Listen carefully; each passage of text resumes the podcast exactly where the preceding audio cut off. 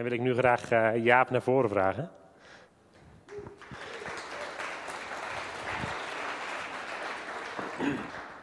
Ja, dankjewel dat je helemaal uit Rotterdam hier uh, wil spreken en een stuk van God uh, wil delen ook.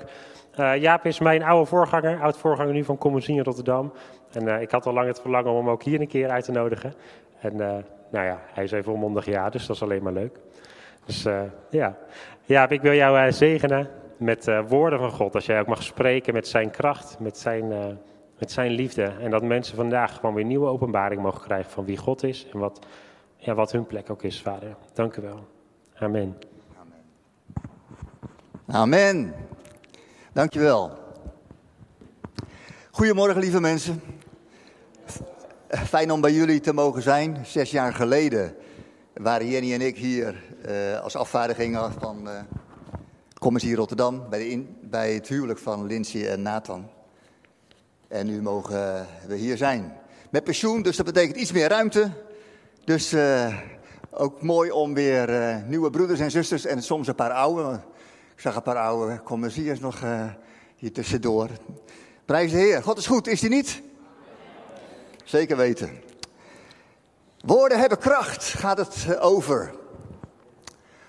Je zou toch van angst niks meer durven te zeggen, toch?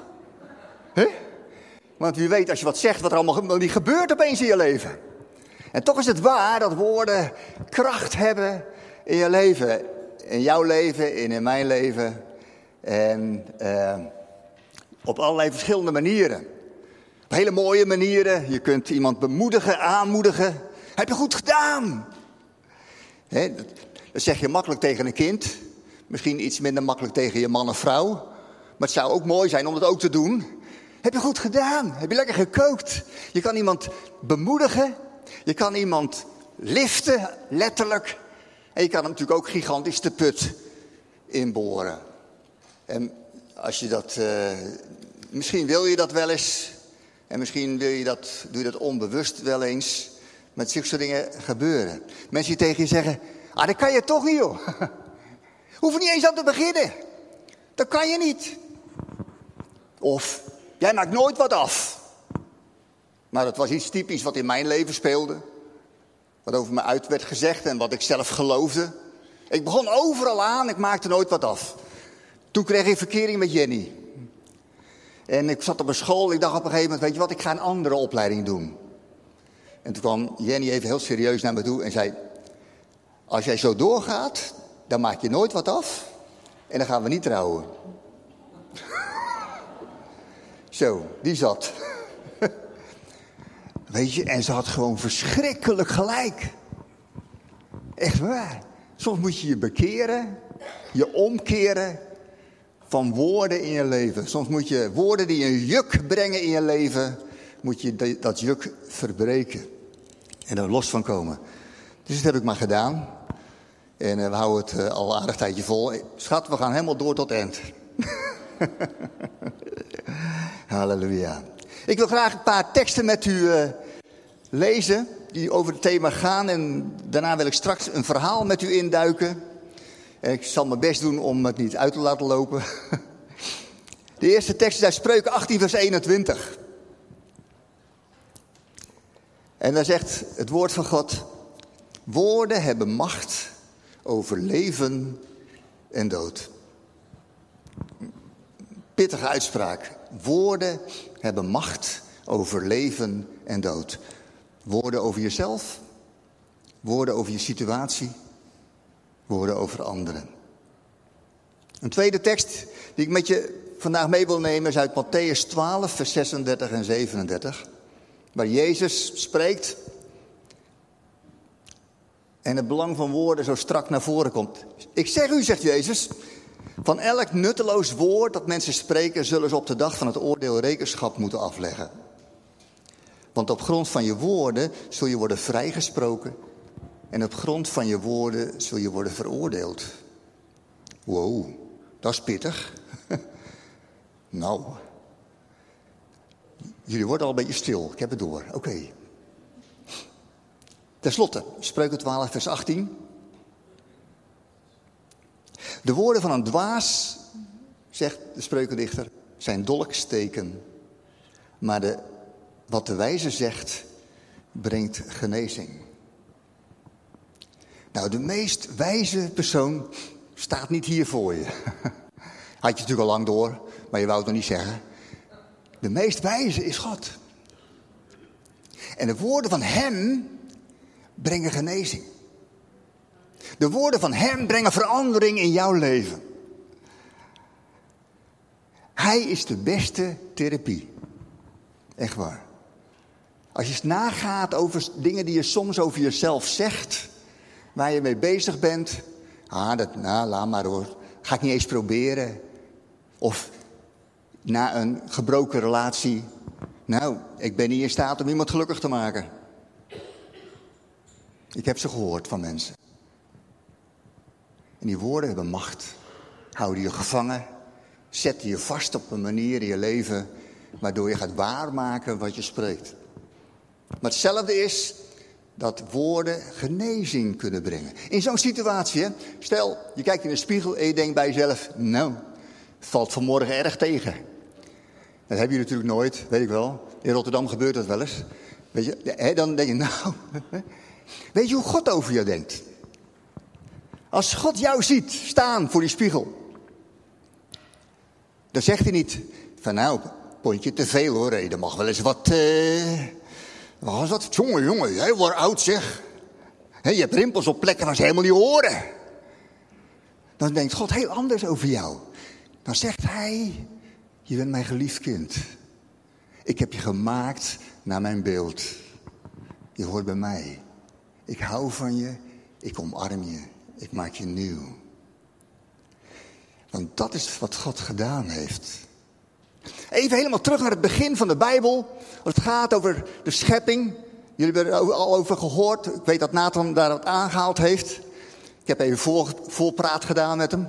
En God spreekt. De eerste openbaring van God is dat hij spreekt.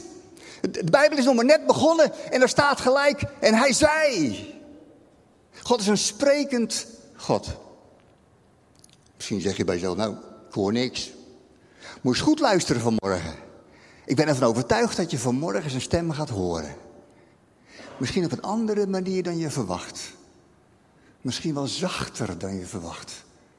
Misschien wel aan de binnenkant in je hart dat God tegen je spreekt.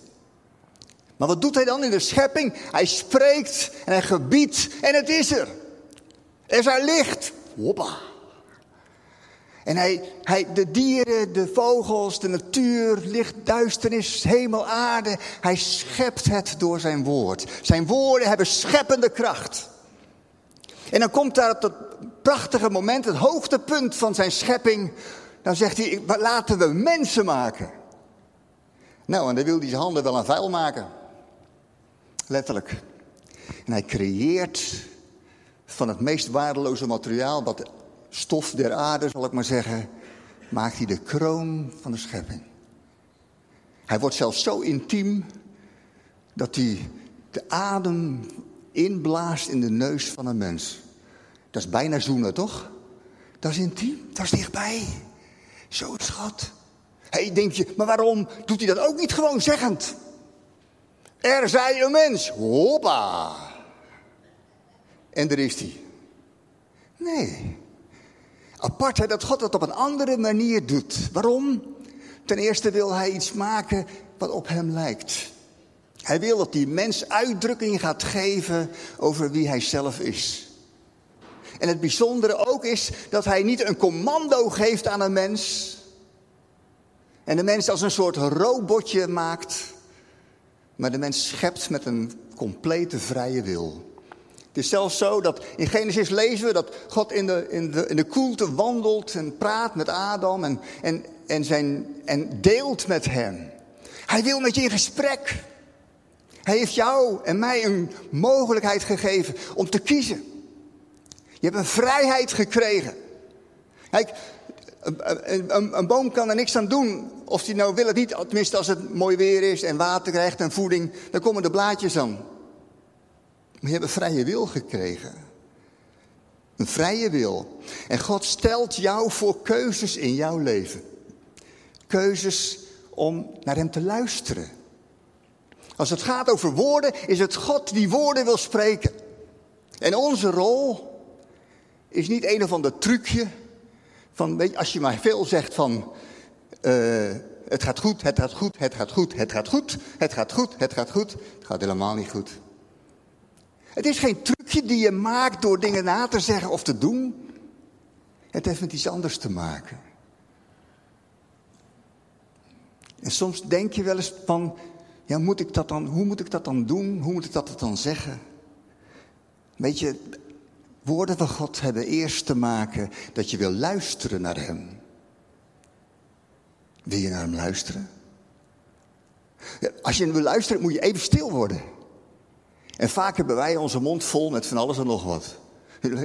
Luister maar eens naar onze gebeden, weet je wel. Oh Heer, wil u, uh, wil u dit zegenen? Wil u dat zegenen? U, vergeet u tante Jo in Afrika niet? En oh, wil u dat ook nog doen? Oh ja, en ik heb, en wilt u, als u toch bezig... En vorige week nog gevraagd en dan ben je zo druk bezig. En voordat je weet zeg je amen. En wat mooi eigenlijk om in je gebed ook... Wat goed dat jullie dat voor de dienst doen een uur heen. Dat is mooi, neem ik mee. Gewoon stil zijn. Heb je soms eerst zelf nodig? Die, al die drukte van binnen. Om stil te worden. Maar stilheid is ook te maken om je oren open te zetten. En te horen wat God spreekt. Wil je horen? Wil je gehoorzamen? Gehoorzamen is eigenlijk een apart woord. Gehoorzaamheid is gezindheid om te horen. Dat je wil luisteren. God wil spreken. God wil spreken waardoor er genezing ontstaat. Waardoor er vrijheid komt in jouw leven en in mijn leven. Dat is naar zijn aard. En hij wil ons ook gebruiken. Ik wil je graag meenemen naar een verhaal in de Bijbel. Waar ik dat thema naar voren verder zal brengen. Dat lezen we in 2 Koningen, hoofdstuk 5. Een heel bekend verhaal. Ik denk als ik de naam van deze meneer noem, dan weet je gelijk hoe het in elkaar zit. Weet je eigenlijk, eigenlijk al hoe het afloopt. Maar blijf even zitten tot ik klaar ben we het hele verhaal samen meenemen. Het gaat over Naaman. In 2 Koningen, hoofdstuk 5. staat boven de genezing van Naaman. In het verhaal lezen we dat Naaman een bevelhebber was van het Aramese leger. Hij stond in hoog aanzien bij zijn koning. Het was een krachtige man, vol met medailles. Een man die overwinningen had behaald en mensen had meegenomen. Slaven en slavinnen had meegenomen naar zijn thuisland. Zelfs eentje bij hem thuis voor zijn vrouw. Een meisje die daar werkte in de, in de keuken. Een man, een belangrijke man. En, en het aparte, en ik had dat nooit eerder gelezen joh. Er staat in de Bijbel hij werd zeer gewaardeerd door de koning, want de Heer had hem voor Aram een grote overwinning laten behalen. Je denkt, hé hey heer, staat dat er wel goed? Heeft u hem een overwinning laten behalen? Dat kan toch? Kijk, in ons denken past dat niet. Wij willen dat, dat, dat zo'n man een overwinning behaalt, zo'n rover. En daar staat nog zelfs dat God hem dat laat laten behalen. Maar je, je weet van Aman, een grote vent, een belangrijke man, indrukwekkende kerel. Maar ja, als hij onder de douche staat, is de gewone vent. Is haast een Rotterdammer. Je kun je verbergen achter je medailles. En alles wat je zo bijzonder hebt gedaan. Je kun je verhalen vertellen. En dat kunnen we. Stoere verhalen. Prachtige dingen. Je, je gaat jezelf niet, niet, niet lager zetten. Je, je wil jezelf even laten zien wie je bent. Je wil je bewijzen. Toch? Maar van binnen. Hoe staat Hoe staat de binnenkant? Want als alle medailles afvallen. Als die grote vent zijn uniform uitdoet. En zich inzeept. Ontdekt hij melaatsheid. Kijk, soms kun je prima dingen verbergen, toch? Hé, dat hoeft niemand te weten hoor. Dat ga ik niet verder vertellen. Weet je wel, dat is mijn geheim. Sommigen zeggen zelfs, dat neem ik mee mijn dood in. Maar weet je dat God alles ziet? Dat hij dwars door je heen kijkt. Dat hij alle medailles voorbij gaat en alles waar je uh, ophef en groot over bent. En weet hoe je aan de binnenkant bent. En was laatst. Nou, het begon met dat plekje. Hè? Beetje crème bij de drogist en je komt een heel eind. Maar het werd steeds erger en erger. Melaatsheid in de Bijbel is een, is een beeld van zonde. Is een weg die erger en erger wordt. Je begint ergens en het lijkt wel verslavend. Het lijkt wel steeds erger en groter en meer te worden in je leven. Zelfs zo dat je denkt, hoe kom ik daar ooit vanaf? En een lange mouwen gebruiken, zodat niks te zien is.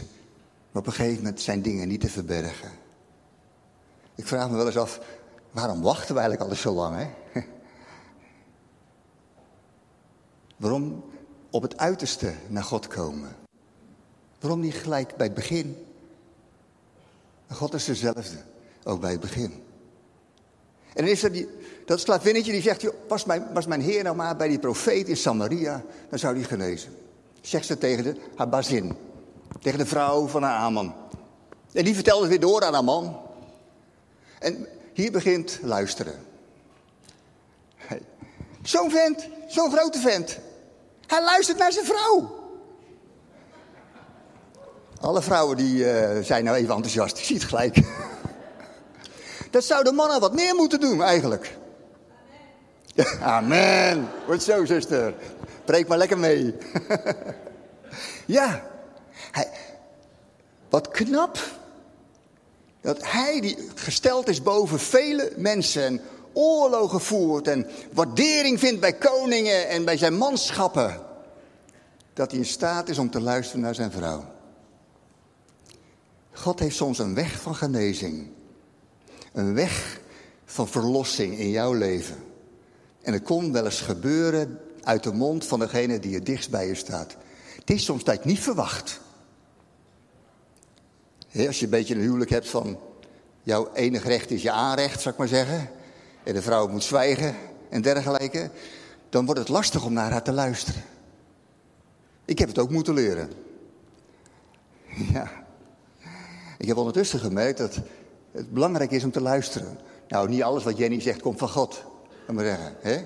Ze zegt, uh, toch, geef de aardappels eens door of zo. Hè? Maar sommige momenten, daar komt het recht op aan. En heeft God je iemand naast je gegeven. Hé hey mannen, de weg van genezing kon wel eens heel dichtbij je zijn. Kijk, soms dan, als er een, iets bijzonders is in de samenkomst. Oh, die komt spreken. Oh, daar gaan we naartoe. Daar gaan we voor naar voorbeden. Misschien zit het wel thuis. De hulp die de Heer aan jou heeft gegeven. Luisteren. Hij luisterde. Hij ging naar de koning toe. En die koning zei, ga erheen. Het meisje had gezegd, er is een profeet in Samaria, daar moet hij naartoe. De koning denkt op zijn niveau en vertaalt dat in: ik schrijf een brief als koning naar de koning van Israël en dan ga je daar naartoe en dan gebied ik hem, want zo gaat dat onder elkaar, dat hij je geneest. Weet je, als je nou niet helemaal exact luistert, kom je op het verkeerde adres uit. Het is zo belangrijk om exact te horen wat God zegt en gehoorzaam te zijn, te doen wat hij opdraagt. Maar ja, Naaman die kwam dus bij die koning terecht. En die koning scheurde zijn kleren. Hij zegt, wat? Hij zoekt een reden om oorlog met mij te voeren. Dat is niet zo vreemd, want even later aan alle kanten, die, die Arameërs, die konden er wat van. De nakomelingen van Sem, de zoon van Noach. En er waren in die periode enorme oorlogen en uithongerpraktijken in de Bijbel. Je leest daarover een paar hoofdstukken verder. Hij zoekt een reden om mij, om oorlog met me te voeren. Ik kan hem toch niet genezen? Ik ben, ik ben God niet. Soms kom je op het verkeerde adres. Soms ga je het verwachten van mensen. Denk je, hé, hey, hij is, dat is een genezer. Daar moet ik zijn. Als die voor me bidt, dan gaat er wat gebeuren. En voor het weet kijk je naar medailles. En interessante pakjes, eh, pakjes en mensen op een podium. Hoe bij God zijn. God gebruikt mensen. Hij kan ook een ezel gebruiken, toch? Dus, ja. Hij wil mensen inschakelen. Hij wil jou gebruiken. Hij wil mij gebruiken. Maar that's it. Daar stopt het. Het bijzondere van Elisa, die in dit verhaal tegenkomen, is dat hij weet wat er aan het hof gebeurt. Elisa is geen profeet die zich had geïsoleerd op de plek waar hij woonde. Zo gezellig met elkaar als eh, een kerkje met elkaar en verder niet weten wat er in de wereld gebeurt. Lekker ons eigen leven leiden, aanbidding, halleluja, een preken hier en gezellig bij elkaar, kerkje zijn, zoiets. Nee, hij wist wat er gebeurde in de wereld. Ik denk dat wij als kerk die opdracht ook hebben. Om niet onze ogen te sluiten wat er gebeurt in de wereld. We proberen dat ook in Rotterdam. Op dit moment hebben we 33 Oekraïense mensen onder in de kelder, gehuisvest. Dus iets meer dan een jeugdweekend, zou ik maar zeggen. Dat gaat ook wel eens zes maanden duren of langer. En in het begin is het leuk, nu wordt het wat lastiger. Maar wil je ogen niet sluiten voor wat er gebeurt? We zouden eerst christenen krijgen, mensen van een kerk.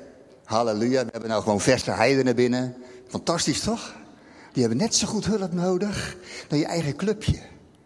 Die hebben net zoveel de genade en de liefde van God nodig als die anderen. Elisa die wist wat er gebeurde in de wereld. En hij hoorde en hij zei, laat hem naar mij komen dat hij weet dat er een profeet is in Israël. En je, ik hoef het verhaal niet voor te lezen, want je kent vast het verhaal. En hij komt daar naartoe. Hij had heel veel meegenomen. Om, om te kunnen betalen, om indruk te kunnen maken. Hij denkt, dan komt hij zo meteen naar buiten, die Elisa. En dan uh, gaat hij bewegen zo, weet je wel, over mij heen zo. Misschien wel al shakend en heel bijzonder. Een bijzondere geestelijke ervaring gaat er gebeuren. Soms heb je zo'n idee hoe het moet, hè. Hoe God jou mag bereiken. Hoe hij zijn heerlijkheid aan jou kan openbaren. Nou, dat moet wel heel bijzonder zijn. Ja, er gebeurt helemaal niks. Soms denk je bij jezelf, is dat het nou? Is dit het nou, zoals God het doet? Meer niet? Geen spektakel? Hoor je soms van andere mensen, nou God raakte me aan. Joh, ik, ik kon een half uur niet stilzitten. Dat lijkt me lastig. Maar God het soms zo verschrikkelijk gewoon. In de gewone dingen in je leven. En Elisa, hij komt niet eens naar buiten. Hij stuurt iemand naar buiten terwijl die stoet daarvoor staat, moet je je voorstellen. Wat een prachtige optocht daar voor de deur staat. Wauw. Die geweldige bevelhebber uit het verre land met alles erop en eraan. En hij blijft binnen. En stuurt een knecht of iemand naar buiten. En dan zegt hij iets. Hoe exact is God als hij gaat spreken? Hij vertelt wat hij moet doen, waar hij het moet doen en hoe vaak hij het moet doen. Hoe concreet wil je het hebben? Ik zou willen dat alle profetieën zo concreet waren, joh. Soms is het een spoorzoekertje van wat bedoelt God ongeveer? Dan gaan we die kant maar een beetje uit. Maar God wil ook als hij spreekt naar jou en mij in, ons leven, maar ook in de gemeente, wil hij heel concreet en duidelijk spreken. Belangrijk om te luisteren. Waar? Jordaan. Vaste plek, daar. Wat moet je doen? Onder, ondergaan in de Jordaan. Hoe vaak? Zeven keer. En soms liggen onze verwachtingen zo anders. Dan heb je eigenlijk een verwachting bij God neergelegd hoe hij het moet doen. En dan valt het wel eens verschrikkelijk tegen. En zeg je, bekijk het maar. Doe het op mijn eigen manier. Als dat God is. Zo weinig aandacht. Kan dan niet op een andere manier? Ik heb het ook wel eens gehad. In een periode in ons leven dat onze dochter eigenlijk eh, de weg van God wat kwijt was. Toen kwam ze een keer in de kerk. En ik dacht, God, daar zit ze, grijp er. Dit is het moment, weet je wel.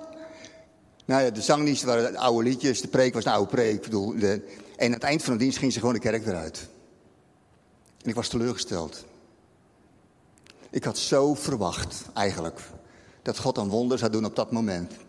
Dat hij haar zou beetpakken, helemaal ondersteboven zou keren. Misschien ook wel even een, dat erbij, weet je wel. Dat was mijn boosheid natuurlijk. Maar het gebeurde zo anders. Wat? Er gebeurde niks. Naar mijn idee. Op een ander moment kwam God tot haar en veranderde haar leven. Soms gaat het anders in jouw leven of in je gezin dan je verwacht. Maar durf je te vertrouwen op God? En God zegt heel duidelijk tegen Amon, zeven keer in de Jordaan, kopje onder. Ben maar gek, zo visie Jordaan, joh. Ik toch thuis veel beter. He, als Rotterdammer snap ik dat. Dan ga je toch in de Maas of zo? Hoe, hoe, hoe, hoezo? Zit het daar dan in? Dat je kopje onder gaat? Is dat het dan? Dat kan toch overal? Zet ik een bad neer, ga ga kopje onder. Nee, weet je waar het om gaat? Is dat je luistert. Dat je de woorden van God toelaat in je hart. En dat je gaat doen, gehoorzamen. Dat je gezindheid hebt om te horen wat God zegt. En dat doen. En ik ben dankbaar voor die dienaren die Naaman bij zich had. Hij had knechten meegenomen, onderdanen meegenomen, mensen die hem dienden. En soms zijn het de ondergeschikte, misschien wel in een gemeente of op je werk of in je gezin, die door God gebruikt worden om tegen jou te spreken. Hé, hey, had hij nou iets heel ingewikkelds gevraagd? Had je dat toch gedaan? Maar nu dit, doe het. Wat heb je te verliezen? Nou, ik kan me voorstellen, al mokkend en dergelijke, kan we zeggen, hempie uit. En daar ging die. Eén keer onder. Er is nog niks. Twee keer onder. Nog niks. Drie keer onder. Ik denk dat ik er maar mee stop. Ken je dat? Je hebt al drie keer gebeden voor iets. En nog niks. En tenslotte, die zevende keer. Schoon. Volledig schoon. Als we leren luisteren naar wat God zegt, dan zullen we ontdekken dat we genezing ontvangen, bevrijding ontvangen van Hem. Tot slot. Even terug. De genezing van de Aman. Hoe is dit allemaal tot stand gekomen eigenlijk? Hé, hey, er was een meisje. Een slavin. Meegenomen uit het thuisland. Geroofd, weggeroofd van haar ouders, familie, in een vreemd land. En diende deze overheerser. En, en ze zei deze woorden. Was mijn Heer maar bij de profeet in Samaria, dan zou hij zeker genezen. Als je nadenkt over wat zij heeft meegemaakt, over de, wat zij in haar hart heeft zitten aan ervaringen, dan zou ze toch heel anders spreken. Dan zou ze zeggen: Oh, heeft hij lepra? Net goed. Lekker pu, eigen schuld, dikke bult. Nou komt de gerechtigheid. als ze eten zou moeten serveren, dan zou ze er in plaats van uh, tomatenketchup iets anders op hebben gedaan. Zodat hij niet zou overleven. Soms zit je hart door wat er is gebeurd in je leven zo vol met boosheid.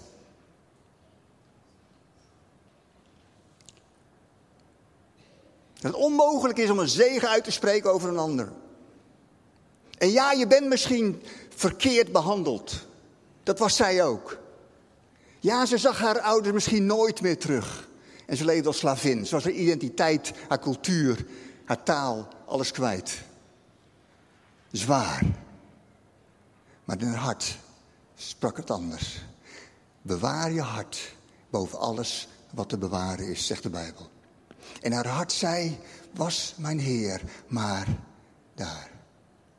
Zij verlangde naar genezing voor diegene die haar dat aangedaan. Genesis. God schiep de mens. Waarom? Zodat de mens op hem zou lijken. Zodat de mens zichtbaar zou dat de wereld zou zien wie God was door jou en mijn leven. En hoe zien de mensen dat?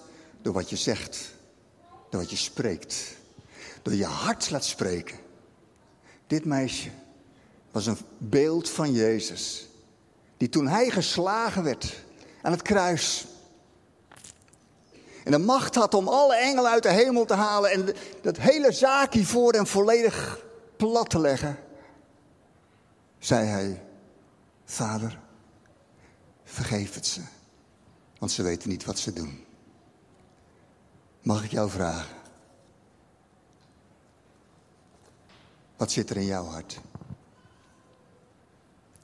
Want niet het eten maakt de mens onrein, maar wat uit, zijn, wat uit zijn mond uitkomt. Vanuit zijn hart, zegt Jezus. Wat zit in jouw hart? En misschien zeg je, Jaap, er is zoveel gebeurd in mijn leven. Je moest eens weten hoe onterecht dat en dat en zo en zo. En je hebt gelijk. Onrecht is onrecht. Maar mag God komen vanmorgen in jouw leven om jouw hart rein te maken. Schoon te wassen. Schoon van woorden die mensen over je gesproken hebben. Over wat je over jezelf gezegd hebt. En schoon om een instrument te kunnen zijn van God. Voor genezing. Misschien wel voor degene die jou het meeste iets heeft aangedaan. Wat een wonder, wat een getuigenis zou dat zijn. Voor God, voor zijn liefde, door jou heen. En ga vandaag niet weg. Zonder dat je gehoorzaam bent aan het woord wat God tegen je heeft gezegd. En kom en laat je reinigen. Word een nieuw mens. Je omstandigheden veranderen misschien niet gelijk. Dat meisje bleef daar. Maar zij was een ander mens. En zo wil God het ook in jouw leven doen. Mag samen met je bidden? Dank u wel, Heer. Dat u ons gemaakt heeft naar uw beeld. Maar soms maken we er een aardig potje van. En dan lijken we er niet echt op. Hier dan komt er soms zoveel boosheid in ons naar boven. Vinden we zo dat we gelijk hebben in een situatie. En als het aan ons lag, puntje, puntje, puntje. Maar dank u wel dat u vanmorgen hier bent met uw Heilige Geest. En dat u een nieuw werk in ons hart doet. Dat u ons schoon wast van binnen. Opdat we woorden mogen spreken van leven. Niet alleen over onszelf, maar ook over anderen. Heer, gebruik ons. Al zou de situatie niet veranderen, Heer. Al is het morgen nog net, zo, net hetzelfde, zoals bij deze slavin. Heer, wij willen op U lijken. Uw woorden spreken, zodat U genezing brengt in levens van andere mensen. Ook over onszelf. In Jezus' naam. Amen.